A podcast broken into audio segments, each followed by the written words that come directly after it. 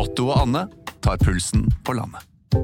Ja, det gjør vi. Jeg heter Otto Jespersen, og hva var det du het igjen? Jeg heter Anne Grosvold, og hver uke har vi med oss en interessant gjest. Det har vi. Otto og Anne tar pulsen på landet, hører du der du hører podkast. Ready? You have the cameras rolling? He was hosting boozy parties in Downing Street. But when the president does it, that means that it is not illegal. I have a dream. We will win this election and we will change the country together. Kanskje ble Grunnloven så god som den ble nettopp på grunn av uenighet, diskusjoner og kompromisser. Velkommen. Velkommen, Jeg heter Sofie Høgestøl. og jeg heter Eirik Bergesen. Og du hører på femte episode av Det store bildet. Og det tenkte jeg var et sånn endelig et rundt eh, tall, noe som skulle markeres osv. Så, videre. så ble jeg sånn i tvil akkurat før vi skulle begynne nå. Vent litt, er det egentlig rundt eller ikke? Googlet det, havnet inn, som man gjør, på Kvinneguiden. Eh, og der var det noen som skulle feire en 35-årsdag og lurte fælt på om det var rundt eller ikke. Og hun fikk beskjed om at eh, det var halvrundt av um, et flertall eh, av respondentene i Kvinneguiden. Så da slår vi oss til ro med det. Vi feirer et halvrundt eh, jubileum av det store bildet. Og det i seg sjøl er jo veldig hyggelig. Det er fantastisk. Eh, og denne podkasten er da vårt nokså uhøytidelige, veldig personlige forsøk på å gå bak ukas nyheter, lete etter sammenhenger, på jakt etter det store bildet. Slik vi ser det. Hver eneste fredag, faktisk. I dagens episode skal vi snakke om hvordan en kommer seg gjennom kriser, trusler mot demokratiet og Grunnloven. Så hvis ikke det er et stort nok bilde for deg, så vet jeg ikke hva. Og selvfølgelig så må vi snakke om at du, Sofie, har ledet NHOs årskonferanse. Og ja, jeg syns vi vi må nesten også denne gangen få lov til å bare takke folk for at de i dette halvrunde eh, oppsamlingen av episoder har begynt å høre på. Noe helt voldsomt også. Så, så vi er inne på diverse lister, eh, og ja, vi er faktisk forbi Nicolai Tangens eh, nye podkast, og det, jeg syns jeg syns nesten vi bør nevne det, fordi at eh, han er jo han har oljefondfinansiert podkast. Så Det er, ikke det er ikke synd på han. Vi, har, vi har en enda ikke finansiert podkast i det hele tatt. Vi har gjort litt sånn som Francis Ford Coppola. Han bare begynte å lage filmene sine, og så kom finansieringen etter hvert. Så vi kan egentlig sammenligne um, dette podkaststudioet her med settet til Apokalypse nå, tenker jeg. Så crazy er det. Eh, Men vi er veldig, veldig glad for at folk hører på. det. Det er kjempegøy, og det er så gøy å høre fra dere og få meldinger om at dere ser på Borgen for første gang, eller har hørt på eller lest noen av bøkene som ble anbefalt, så det er kjempegøy, altså. Så tusen, tusen takk. Eller har lagt merke til at eh, vi har sagt at vi prøver å ikke snakke altfor lenge, og påpeker at det må vi for all del eh, ikke prøve å gjøre. Fordi at eh, folk syns det er hyggelig at vi i hvert fall fullfører resonnementene våre. Så det skal vi i hvert fall gjøre. Det skal vi vi fortsette med. Vi, skal ikke, vi vil jo at folk skal kunne rekke å gjøre andre ting også. Absolutt. Men uh, fortsett å sende oss ris, ros og forslag. Vi vil så gjerne høre fra dere. Eh, du når oss på Twitter, Facebook og Instagram, og nå har vi også en Facebook-page, så det er bare å følge den. Så holder vi dere oppdatert. Så, Sofie, eh, det lille bildet, og det kommer til å spille over inn i det store bildet straks, fordi du har eh, ledet NHOs årskonferanse. Eh, Du har dermed også vært på eh, årsmiddagen. Altså, du er liksom ballets dronning. Jeg forventet å se deg ankomme her med et gresskar og uten en eh, glassko og, så videre. Du er oppsiktsvekkende opplagt, men, men det var vel litt av en eh, dag? Ja, jeg ledet da NHOs årskonferanse som var i går, hvis dere hører på podkasten på fredagen når den kommer ut. Det var da torsdag 12. mai. Og vi skulle jo egentlig hatt årskonferansen, for den går jo Den er jo veldig sånn Årskonferansen til NHO er en veldig sånn tradisjonstung greie som vanligvis går første uken i januar. Så vi skulle jo egentlig hatt årskonferansen 6. januar. Og så brøt jo omikron ut før jul, og så besluttet man da å flytte på den, rett og slett, eh, til mai. For da håpet man jo at korona skulle være over. Og temaet i januar skulle egentlig ha vært eh, fremtidens arbeidsliv. Som jeg hadde gledet meg til å for så vidt lede. Et, et, det, det, vi hadde et fantastisk program for den årskonferansen. Og, uh, og jeg syns jo det er et spennende tema. Jeg underviser jo fremtidens arbeidsliv på universitetet, så jeg, jeg gledet meg veldig til det.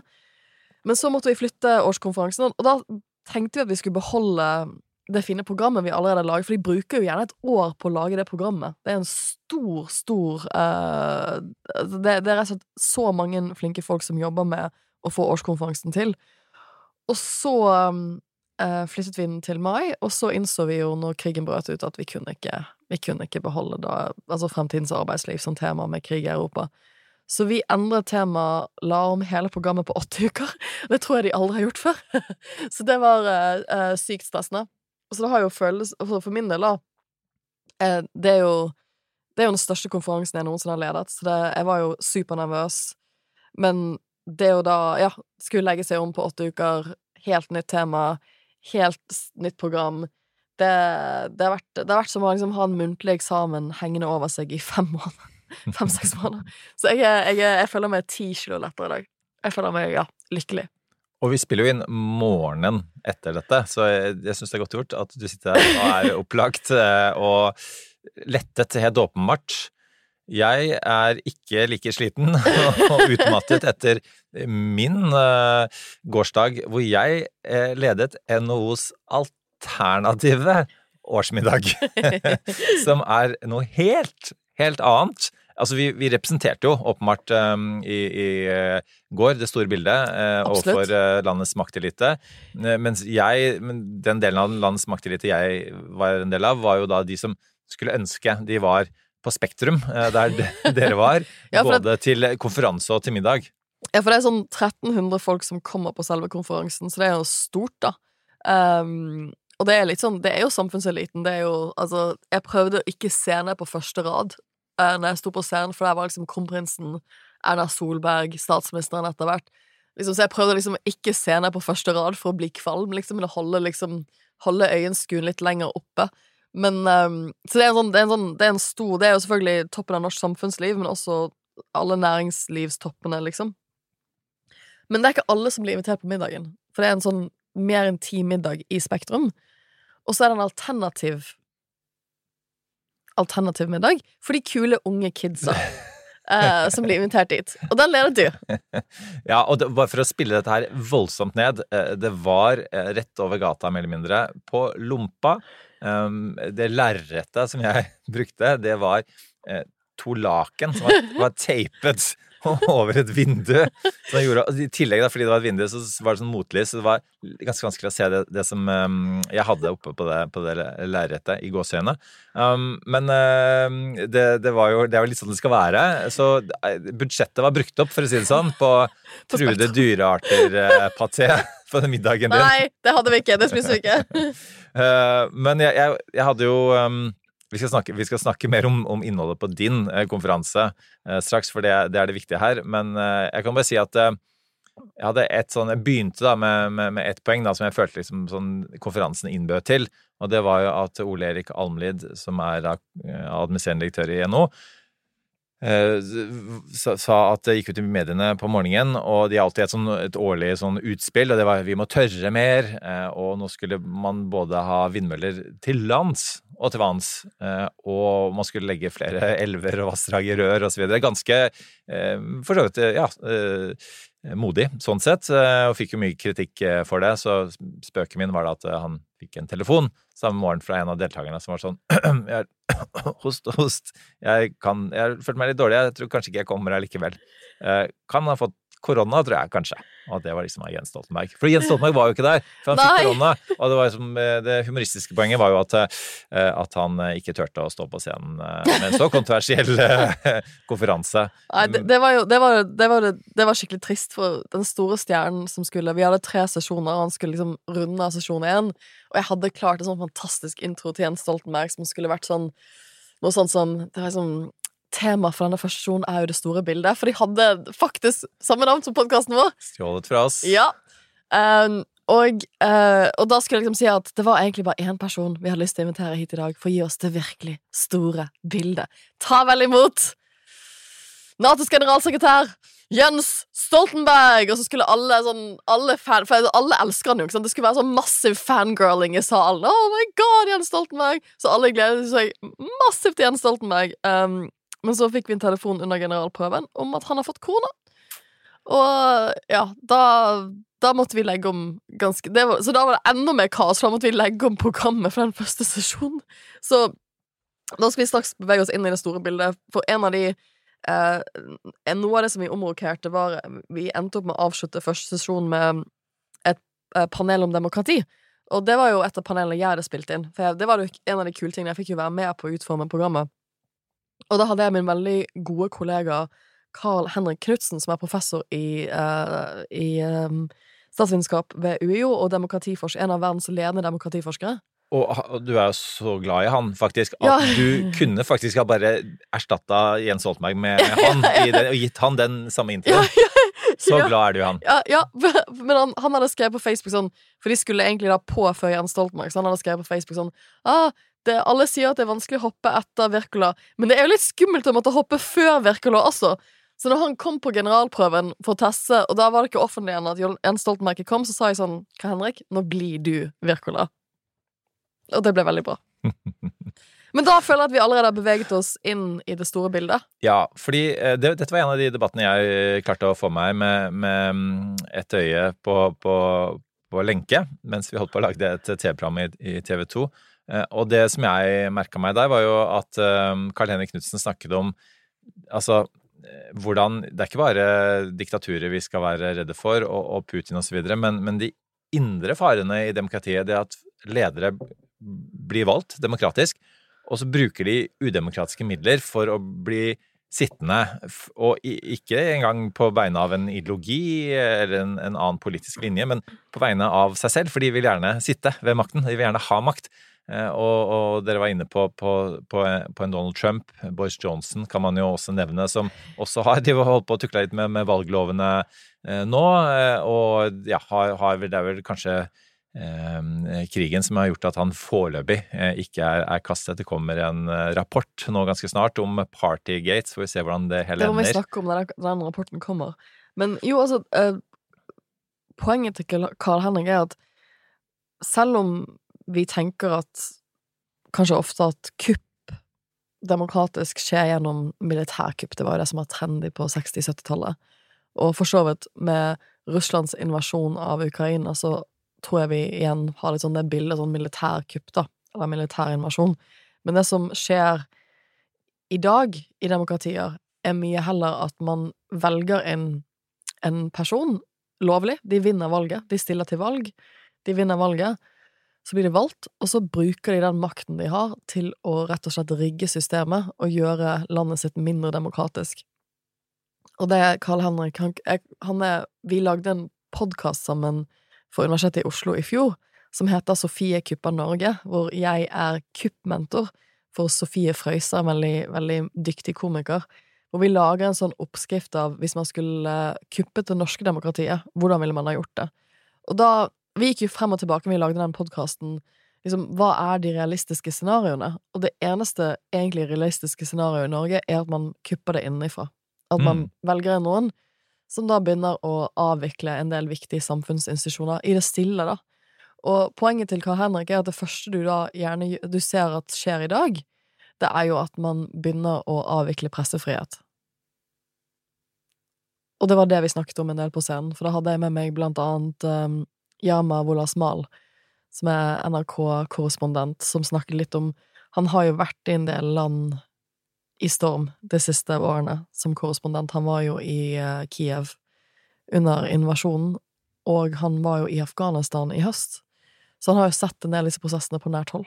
Mm. Og er i, det er Istanbul han er nå om dagen, og, og, og er, følger Erdogan, mm. som jo eh, er en eksponent for dette her. Eh, en eh, Orban i, eh, i, Europa er det. Og det er jo noe man ser mange steder. Og det er jo også du som er, juristen her, da. Det er jo gjennom rettssystemet det å og utrolig nok, da, gjøre det vanskeligere å stemme.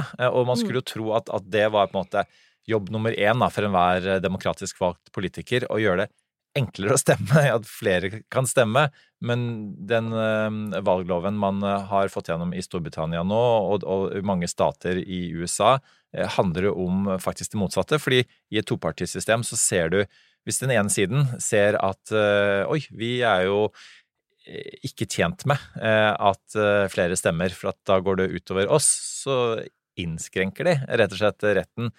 Og, og det kan være Eh, og, og, for å kunne få lov til å gjøre det, så må man eh, da komme med en type eh, ja, manipulert virkelighetsoppfatning om at eh, det er lett å, å jukse ved, ved valg, f.eks. Og det er jo det, det, Trump gjorde nå.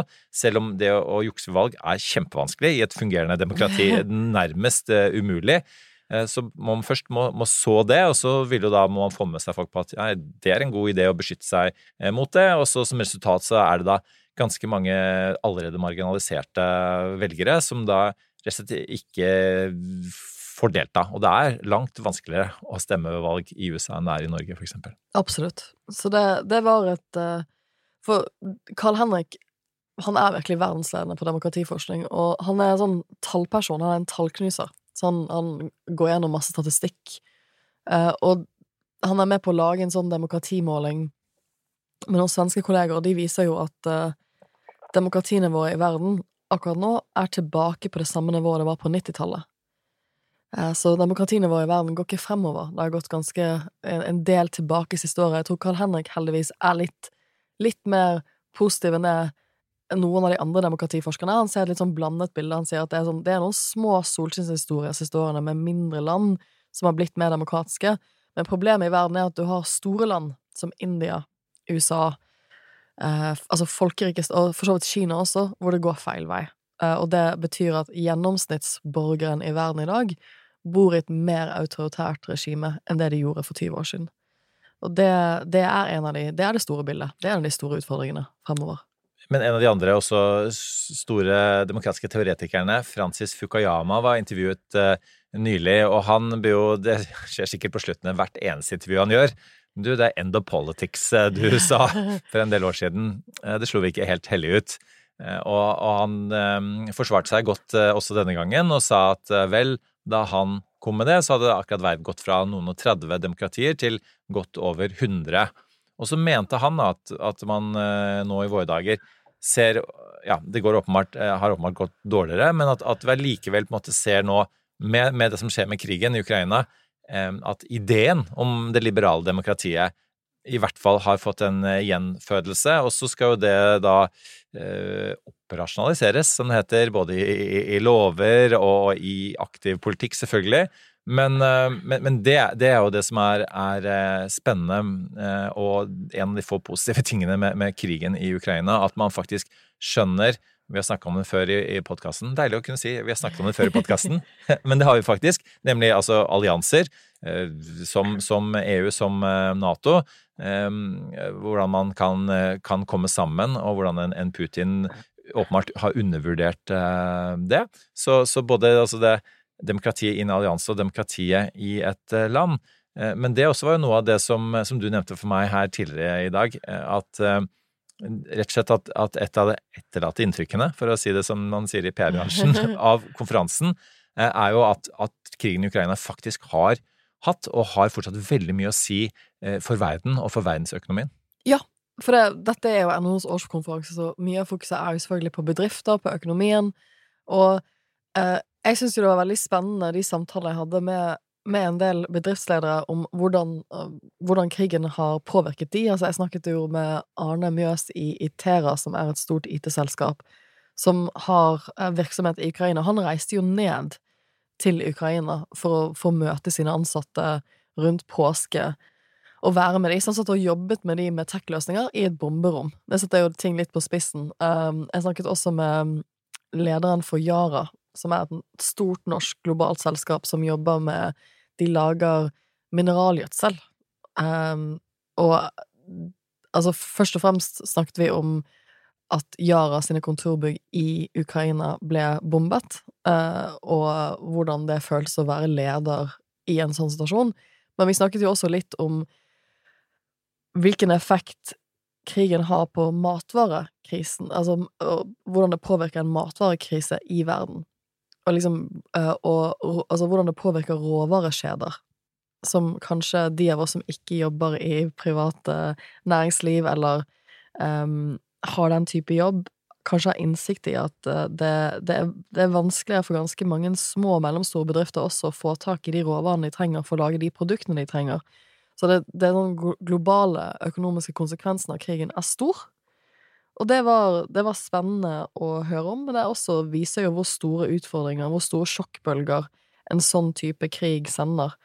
Um, og det er jo det vi vet, at land som handler sammen vanligvis, og som har god økonomisk samkvem, de går jo ofte ikke til krig med hverandre, rett og slett fordi det er så desrupt. Det, det, det skader så mye når en krig først eh, bryter ut. Og eh, nå, nå er det jo en, en stor krise. Det er jo flere kriser i Europa eh, og i verden samtidig, og det er krig, klima og korona, de tre k-ene. Eh, og, og så er det jo gjerne sånn at, eh, at man, man tenker at krise er, er jo en eh, uheldig ting i politikken, men eh, kan man stille spørsmålet er, er politikk noe annet enn det å løse kriser? Eh, og eh, jeg har en tendens til å, å snakke en del om, om EU, og Jean Monnet, som jo er en av EUs grunnleggere, sa at EU ble forged in crises, crises and will be the sum of the solutions adopted for those crises.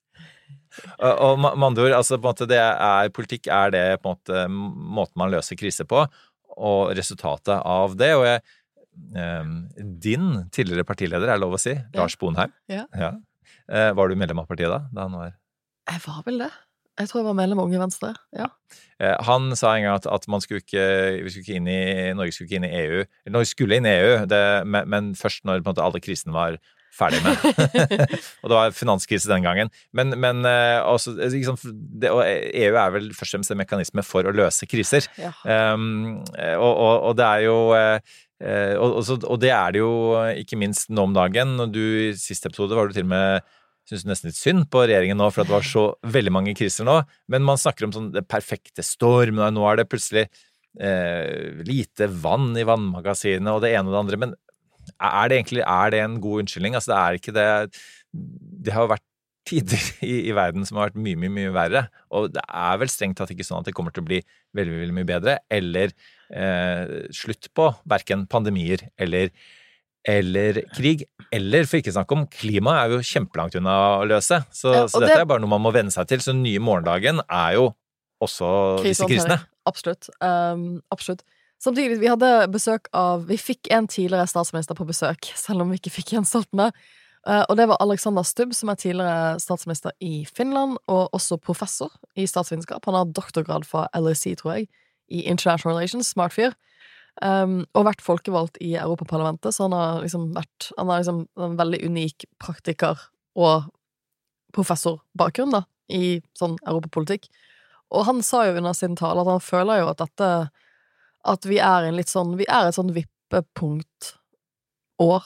Litt sånn som 1917, altså når første verdenskrig, andre verdenskrig, og faller muren, da. Ikke nødvendigvis at vi er liksom i første verdenskrigsstasjon, det var ikke det han mente, men at vi er i en sånn brytningstid, da.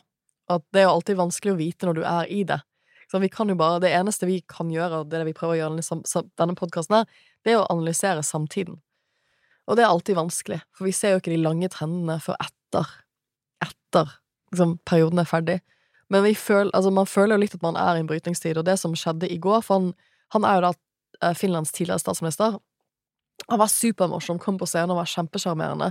Og som han sa, sånn, snakka sånn mumisvensk. For jeg trodde han skulle snakke på engelsk, og så, og så fikk jeg beskjed på dagen for Nei, nei, han skal snakke på mumisvensk.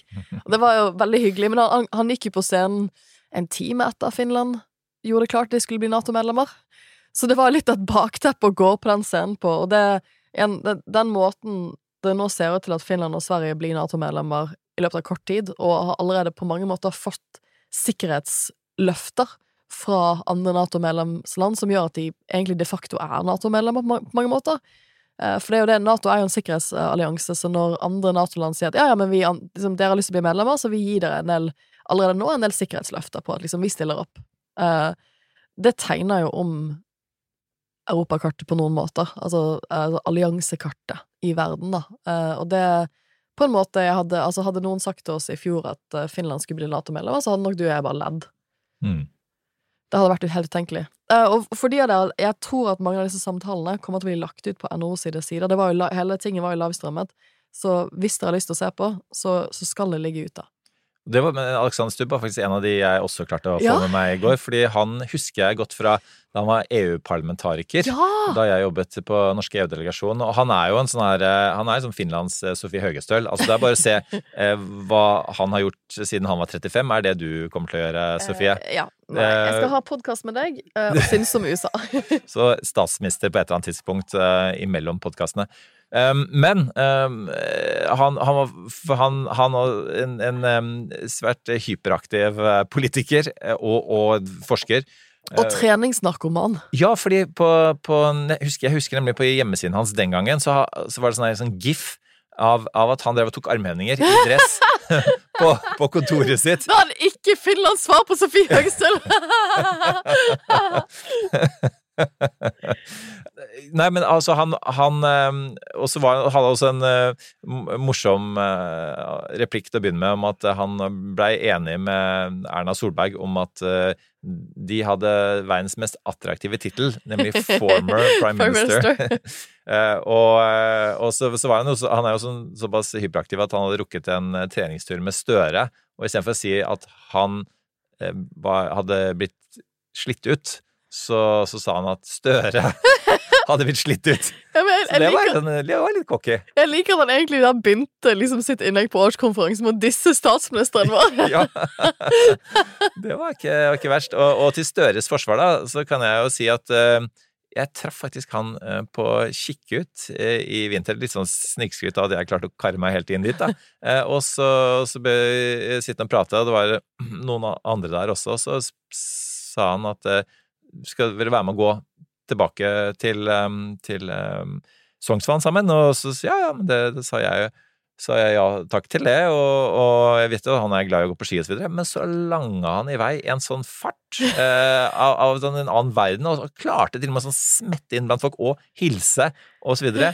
Eh, og, og, kom, og, så altså, Jonas Gahr Støre gikk fra meg, eh, og, og noen andre som er sprekere enn meg, eh, sånn at eh, han er veldig, veldig sprek. Og jeg har hørt historier om, eh, om eh, sånn politifølge og sånn som han har, har slitt ut.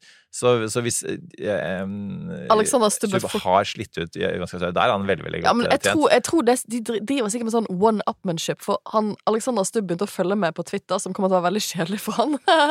for jeg twitterer ikke så mye spennende. Men liksom, Twitter-bioen hans er at han liksom er direktør og professor ved dette universitetet, det prestisjeuniversitetet han er i. Og så står det 'former prime minister', ikke sant? Tidligere finans- og utenriksminister i Finland. Bookworm, ph.d. fra LSE, og så står det Sportsnut, og så står det Sub 930 Ironman. Ikke sant? Så det er litt sånn Ja, Nå vet du hva du har å leve opp til, eh, Sofie. jeg skal aldri gjøre Ironman. Det er ikke nok penger i verden. Jeg tenker at vi, vi, vi flytter oss smidig over på ukens helt eller skurk. I am not a hero. Well, I'm not a crook. Og ukens helt skråstrek skurk er faktisk en skråstrek eh, denne gangen også. Ja. Og dette er for tredje gang, så kanskje er dette en trend, og kanskje er dette en måte for oss å si at nei, vi nekter å godta samfunnets eh, skissemessige inndeling av helter og skurker. Vi ser helter og skurker i alle mennesker og fenomener. Jeg vet ikke om det er så mye mer sympatisk, men denne gangen, fordi det er eh, 17. mai neste uke, Mm. eh, så har vi valgt å fokusere på, på det som jo er hjørnesteinen i en eh, nasjonaldagsfeiring, iallfall vår egen, nemlig Grunnloven, konstitusjonen vår. Mm. Det er jo noe du eh, kan mye om. Det vil si, du kan jo på en måte den amerikanske litt bedre. Jeg kan den amerikanske litt bedre, men jeg underviser jo den norske grunnloven eh, på jobb nå. Så jeg, jeg kan de. Det kule, det kule fun facten med den norske og amerikanske grunnloven er jo at den amerikanske grunnloven er den eldste grunnloven som fortsatt er i bruk, som er nedskrevet. Storbritannia, som en annen fun fact, de har jo en ikke nedskrevet grunnlov, som er helt sykt. Jeg gjorde grunnlovsjus i eh, Storbritannia, og det er jo det, det, er jo helt, er helt surrealistisk å ha en grunnlov som ikke er nedskrevet, men det er jo litt fordi at eh, de ville jo sagt at de er så gamle at det, de har en flere hundre års lang tradisjon, eh, og de trengte ikke å skrive den ned. men eh, mens USA er den eldste nedskrevne grunnloven som fortsatt er i effekt. Men den norske, det er den nest eldste grunnloven som fortsatt er i effekt. Og en liten fun fact da, er jo at det, en av de som sitter ved dette bordet her nå, har vært redaktør for en bok som sammenligner den norske og den amerikanske grunnloven. Og det var ikke deg! Nei! Nei det er utrolig nok jeg som eh, i um, 2014 fikk lov til å, sammen med Gudleiv Forr, som da var i Dagbladet, redigere denne samlingen av kloke jurister og, og en del andre grunnlovsentusiaster, som, som, da sammenlignet disse to. Og det som er en annen liten fun fact med den boka, som for øvrig het Rødt, hvitt og blått, norsk grunnlov og amerikansk inspirasjon, var at det, den var lagd som en sånn um, coffee table book med en del ja, fremstående norske kunstnere som hadde illustrert. Inger Sitter, Sverre Korn Bjertnæs osv. Med, med da debattbokinnholdet. Så den sånn falt da markedsmessig mellom to stoler her, med, med stort mellomrom mellom. Eh, så en veldig flott eh, bok, og den er fortsatt svært eh, lesverdig, men altså en diger coffeetable-bok som diskuterer Grunnloven, viste seg ikke være sånn enormt marked for. Men jeg fikk betalt i, i kunst fra boka og wienerbrød på Halvorsens konditori. Som, for der møtte vi og skrev den boka. Og, og, grunnen til at du kan enda mer enn den amerikanske grunnloven, Sofie, er jo at du har studert Jeg har studert i USA, USA, og som jeg nevnte forrige uke, så er det jo nå et ti år siden akkurat jeg skrev den eksamen min i American Constitutional Law. Så jeg tenkte å invitere deg til å sammenligne litt. Altså, ja, hvem for... er best av den norske og den amerikanske konstitusjonen? Ja, du det, begynner, Sofie. Dette er jo grunnen til at dette er ukens helt og skurk. Og jeg vil jo si at de har jo veldig mange fine elementer, men det er klart at våre grunnlovsfedre ble jo veldig inspirert av den amerikanske grunnloven, så Sånn sett så er jo liksom den amerikanske grunnloven the OG, the original, liksom, som inspirerte, som men, men, som ble gjort et poeng ut av på årskonferansen også, så var jo den amerikanske grunnloven ble jo dypt inspirert av mye av den tankegangen som var i Europa på det tidspunktet. De bare, de bare skrev det ned og, og løftet frem en del av det i grunnlovsform. Så den er jo vakker. Den er et vakkert instrument. Jeg har en liten sånn pocketversjon som jeg har med på jobb av og til når jeg blir spurt om å snakke om ting som er i den amerikanske grunnloven, så jeg kan bare ta opp en litt sånn pocketversjon av den amerikanske grunnloven. Men grunnen til at jeg mener at den amerikanske grunnloven er ukens skurk Åh, oh, store ord. Eh, det er fordi at min hovedforskjell mellom den norske og den amerikanske grunnloven er at vi endrer grunnloven vår og fornyer den jevnlig.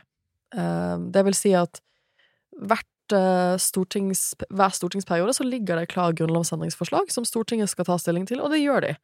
Eh, de skal stemme over de første grunnlovsendringsforslagene i denne perioden her 1. juni. Da skal hele Stortinget samles for å stemme over de forslagene som har kommet. Og det har kommet Det jeg liker, det kommer mye sånn forskjellige forslag. Det er noen som vil at vi skal utnevne høyesterettsdommere på samme måte som de gjør i USA. Det tenker jeg vi ikke skal gjøre. Det tenker jeg det ikke blir flertall for på Stortinget. For man må jo ha to tredeler flertall på, i stortingssalen for å få gjennom et grunnlovsendringsforslag. Men det blir jo diskutert, da, og det blir jo ofte av og til diskutert i offentligheten. Akkurat nå uh, er det jo diskutert om vi skal ha 16 år i stemmerett, for eksempel. Det er et av grunnlovsforslagene. Mange av de grunnlovsforslagene som de skal ta stilling til på Stortinget 1. juni, er grunnlovsendringsforslag fra valglovutvalget, som jeg jo satt i. For mye av vårt valgsystem ligger i grunnloven vår. Uh, og jeg tror ikke så mange av de forslagene som vi kommer, kommer nødvendigvis til å gå gjennom, for jeg tror mange liker den eh, valgordningen vi har, og man trenger jo to tredjedeler flertall, så for eksempel det å få en sperregrense på 3% som valglovutvalget ville, det vil ikke de store partiene ha, så det kommer nok ikke til å gå gjennom. Men vi, vi kommer nok til å fornye mindre ting, da. Uh, og det er jo det vi gjør. Amerikansk grunnloven er veldig vanskelig å endre, og det er jo fordi at USA er et føderalt system, så du må, du, det må opp i liksom ikke bare Kongressen, men det må også godkjennes av to tredjedeler av de amerikanske statene. Og det å liksom få to tredjedeler av USAs stater til å gjøre noe som helst, til å bli enige om noe helst. Det er helt umulig i disse dager. Og derfor er det en litt sånn skurk, for jeg tror litt av problemet Mange, mange spør meg, meg jo sånn Hvorfor har USA et så rart valgsystem med disse valgmenn og sånne ting? Jo, for det står i Grunnloven. og skal du endre det, så er det nesten, nesten umulig, sånn som systemet i dag. Det er kanskje da ikke egentlig den amerikanske grunnloven som er skurken, men det er et politisk system som har blitt så låst at de ikke greier å modernisere demokratiet sitt. For jeg sånn, demokratiet er i konstant bevegelse og utvikling. Um, og selv om den amerikanske grunnloven er supervakker, så er den jo ikke perfekt. Altså, det, det er jo Vi hadde jo Det er en fun fact. Vi hadde jo Fordi vi, våre grunnlovsfedre var så eh, inspirert av den amerikanske grunnloven, så hadde vi også valgmenn. Vi hadde valgmenn i vårt første valgsystem. Eh, før vi etter hvert var litt sånn Nei, vet du hva, vi skal gå for direktevalg. Vi skal, vi skal ikke ha dette systemet. Og så endret vi grunnloven, og så gjorde vi det. Det har ikke USA gjort. Um, og det, vi snakket jo lenge i forrige ukes podkast om abortspørsmålet, og denne uken så eh, var jo det oppe en forslag til abortlov i den amerikanske kongressen som ble nedstemt. Og da har jeg fått masse spørsmål fra journalister. Kan man endre den amerikanske grunnloven for å ta abort inn i grunnloven? Og da har jeg liksom ledd og sagt det kommer aldri til å skje. De får ikke laget en vanlig abortlov engang. De kommer aldri til å endre grunnloven. Um, og det er litt av problemet i USA akkurat nå, er at man får ikke endret grunnloven, man får ikke egentlig vedtatt lover på kontroversielle samfunnsspørsmål, som for eksempel abort. Eller homofilt ekteskap, for den saks skyld. Eh, og det betyr jo at når man ikke får løst de eh, spørsmålene gjennom vanlige politiske prosesser, så er jo det som har skjedd i USA, at de ender opp foran amerikansk høyesterett. Og det er ingen god lesning. Det er jo det vi ser i abortspørsmålet. Så derfor er det ukens skurk for meg. Men jeg tror at du vil si at den norske grunnloven er ukens helt. Ja, det, det vil jeg jo si, i, eh, fordi vi har klart, eh, som, som du er inne på, å stadig fornye den. Og så tok vi et sånn ordentlig skippertak på godt norsk vis eh, ved 200-årsjubileet, og så dytta vi inn masse menneskerettigheter. Som, I 2014. I 2014, ja. Som man burde jo egentlig sett for seg var en del av Grunnloven i utgangspunktet. Og så tok vi bort en del av det litt sånn tøysete tingene som handler om monarki og så videre. Eh, og, og det er jo Fordi eh, samtidig, da, så, så dette er kanskje en liten eh, brannfakkel. Men er det en god idé eh, at vi har, eh, og bejubler eh, at vi har eh, verdens nest eldste konstitusjon? Fordi da vi skulle skrive denne boka om Grunnloven, så kom jeg over Thomas Jefferson, eh, en av The Founding Fathers, sine tanker rundt grunnlov, og han mente den gang at det var helt absurd at en grunnlov skulle vare mer enn én generasjon. For det kom en ny generasjon med, med, med, en, med en annen tidsånd og egne ideer om hvordan de skal skape sitt samfunn, og det også skulle på en måte trekke med forrige generasjons eh, tanker og ideer, eh, mente han var litt meningsløs. og det, og det kan jeg forstå. altså Vi snakker om sånn grunnlovskonservatisme i Norge som en, en bra ting. eh, Og fordi at vi klarer at det hin, ikke hindrer, i motsetning, til, i motsetning til USA, eh, å modernisere samfunnet. Men hvis du går inn og leser, eh, ikke du, for du er jo jurist, men, men, men jeg eller andre, og prøver å egentlig forstå det som står i Grunnloven, så er det litt vanskelig. Det er vanskelig, altså Jusstudentene mine bruker et helt semester på å prøve å forstå Grunnloven, og det er tøft nok, det. det Og, og, og burde det egentlig være sånn, eller burde Grunnloven være noe du kan åpne og forstå, eh, og ikke minst forstå den politiske relevansen til, og ikke måtte tolke eh, alle mulige bestemmelser som for eksempel at kongen er hellig og kan ikke lastes. Den forsvant vel i 2014? Nei. Det er fortsatt. Han er fortsatt. Ja, kongen kan ikke Kongen, er, kongen, kongen kan ikke Det betyr egentlig at kongen kan ikke arresteres. Ja. Det er jo fair enough, for så vidt. Men med mindre han gjør noe veldig kriminelt, da burde han jo arresteres. Det er en annen diskusjon. En annen diskusjon. Men, men det, jeg er nok enig i at en del steder i grunnloven vår så står det kongen. Det står ofte konsekvent kongen, og det handler jo om at når grunnloven ble skrevet, så var kongen sjefen. Så det var kongen. Men ganske mange steder hvor det står kongen i grunnloven nå, så mener vi egentlig statsministeren. Eller eh, kongen i statsråd, som betyr at det er jo egentlig statsministrene og statsrådene våre som tar en beslutning hvor kongen også signerer på den. Men det er jo ikke kongen som spiller den store rollen, det er jo fordi at regjeringen vår har besluttet noe. Uh, og det, jeg tror, det er kanskje en av de Det er sånn klassiske eksamensspørsmål Stakkars studentene mine har faktisk eksamen i dag i JUS 2NN, så jeg tenner et veldig stort lys for dem. For det er en skikkelig vanskelig eksamen. For det er ikke noe lett, og et sånn klassisk eksamensspørsmål for dem er jo um, uh, hva Kan du tolke ordet kongen i grunnloven vår? Hva betyr ordet kongen? Og da er jo hele poenget med det at kongen betyr som ofte statsministeren. Noen steder så betyr kanskje kongen kongen personlig, sånn som det med at han ikke kan lastes. Og andre steder så betyr det kanskje uh, kongen i statsråd, men det er litt uklart. og det, det er jo en del sånne ting Eh, jeg mener jo også fra et klarspråksperspektiv at deler av grunnloven vår burde være skrevet i mer klarspråk. For det handler om at jeg vil jo at folk skal kunne slå opp i Grunnloven og kunne forstå hva som står der, uten å ha tatt juss 2N1. Dette innføringsfaget om grunnlovsrett og sånne ting på, på jussen. Så, så eh, Men samtidig så har jo heldigvis språket i Grunnloven blitt klare etter 2014 enn det var før 2014. For da var det sånn gammeldansk, norsk-dansk språkform som jeg syns var ganske vanskelig å forholde meg til. Eh, I eh, år så er jo 17. mai veldig spesielt. Vi, vi feirer jo friheten fra mektige naboland eh, og deres forestilling om at vi tilhører dem. Og i tillegg så deler vi grense med Russland. Og det har vi jo gjort gjennom hele kommunistperioden, Putin-tiden. Og nå er vi jo, som vi vet, Ukraina og land i tilsvarende situasjon vil jo kunne um, la seg inspirere eh, av hvordan, både vi, hvordan vi ble uavhengige, og hvor godt det har gått. Eh, og så tenker jeg også at eh, det er verdt å minnes Zelenskyj, som, um, som, talte til, til, Stortinget. Du satt i salen, jeg var utenfor og kommenterte, og trakk fram nettopp barnetogene på 17. mai. Mm. Det var mange som felte en tåre i stortingssalen den gangen. Det vil nok være enda flere ute i gatene ved synet av unge ukrainere som nyter mm. barnas dag i et fritt demokrati. Eh, og forhåpentligvis klare å glede seg over det midt oppi problemene. Så, så det, det, blir Og for ikke snakke om at vi ikke har kunnet feire 17. mai på en ordentlig måte i pandemien. Så det blir en, eh, en det blir ordentlig høytid blir ordentlig denne gangen. Høytid. Eh, uansett hva man måtte mene om 17. mai eller Grunnloven, for den saks skyld. Og med det nasjonalromantiske budskapet, Eirik, så tror jeg nesten vi må komme oss til siste post på dagens program. Og det er jo en post som vi har kalt litt forskjellige ting. Vi begynte med å kalle det Ukas anbefaling, for vi skulle anbefale ting vi likte. Og så, forrige uke, kalte vi det for Ukens avkobling. For sånn, folk trenger å koble av, så vi skal kalle det Ukas avkobling.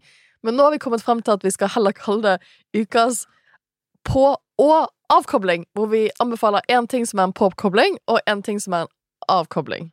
Og det er et uh, godt sentristisk kompromiss, basert på at uh, vi har innsett at vi trenger en avkobling. Ja. Uh, men vi har også innsett at gitt alle disse krisene som vi allerede har snakket om, trenger påkobling. Absolutt. Vi må prøve å forstå dette her. Um, så jeg begynner med ukas påkobling, og det er en podkast, uh, for nå er jeg på podkastkjøret igjen.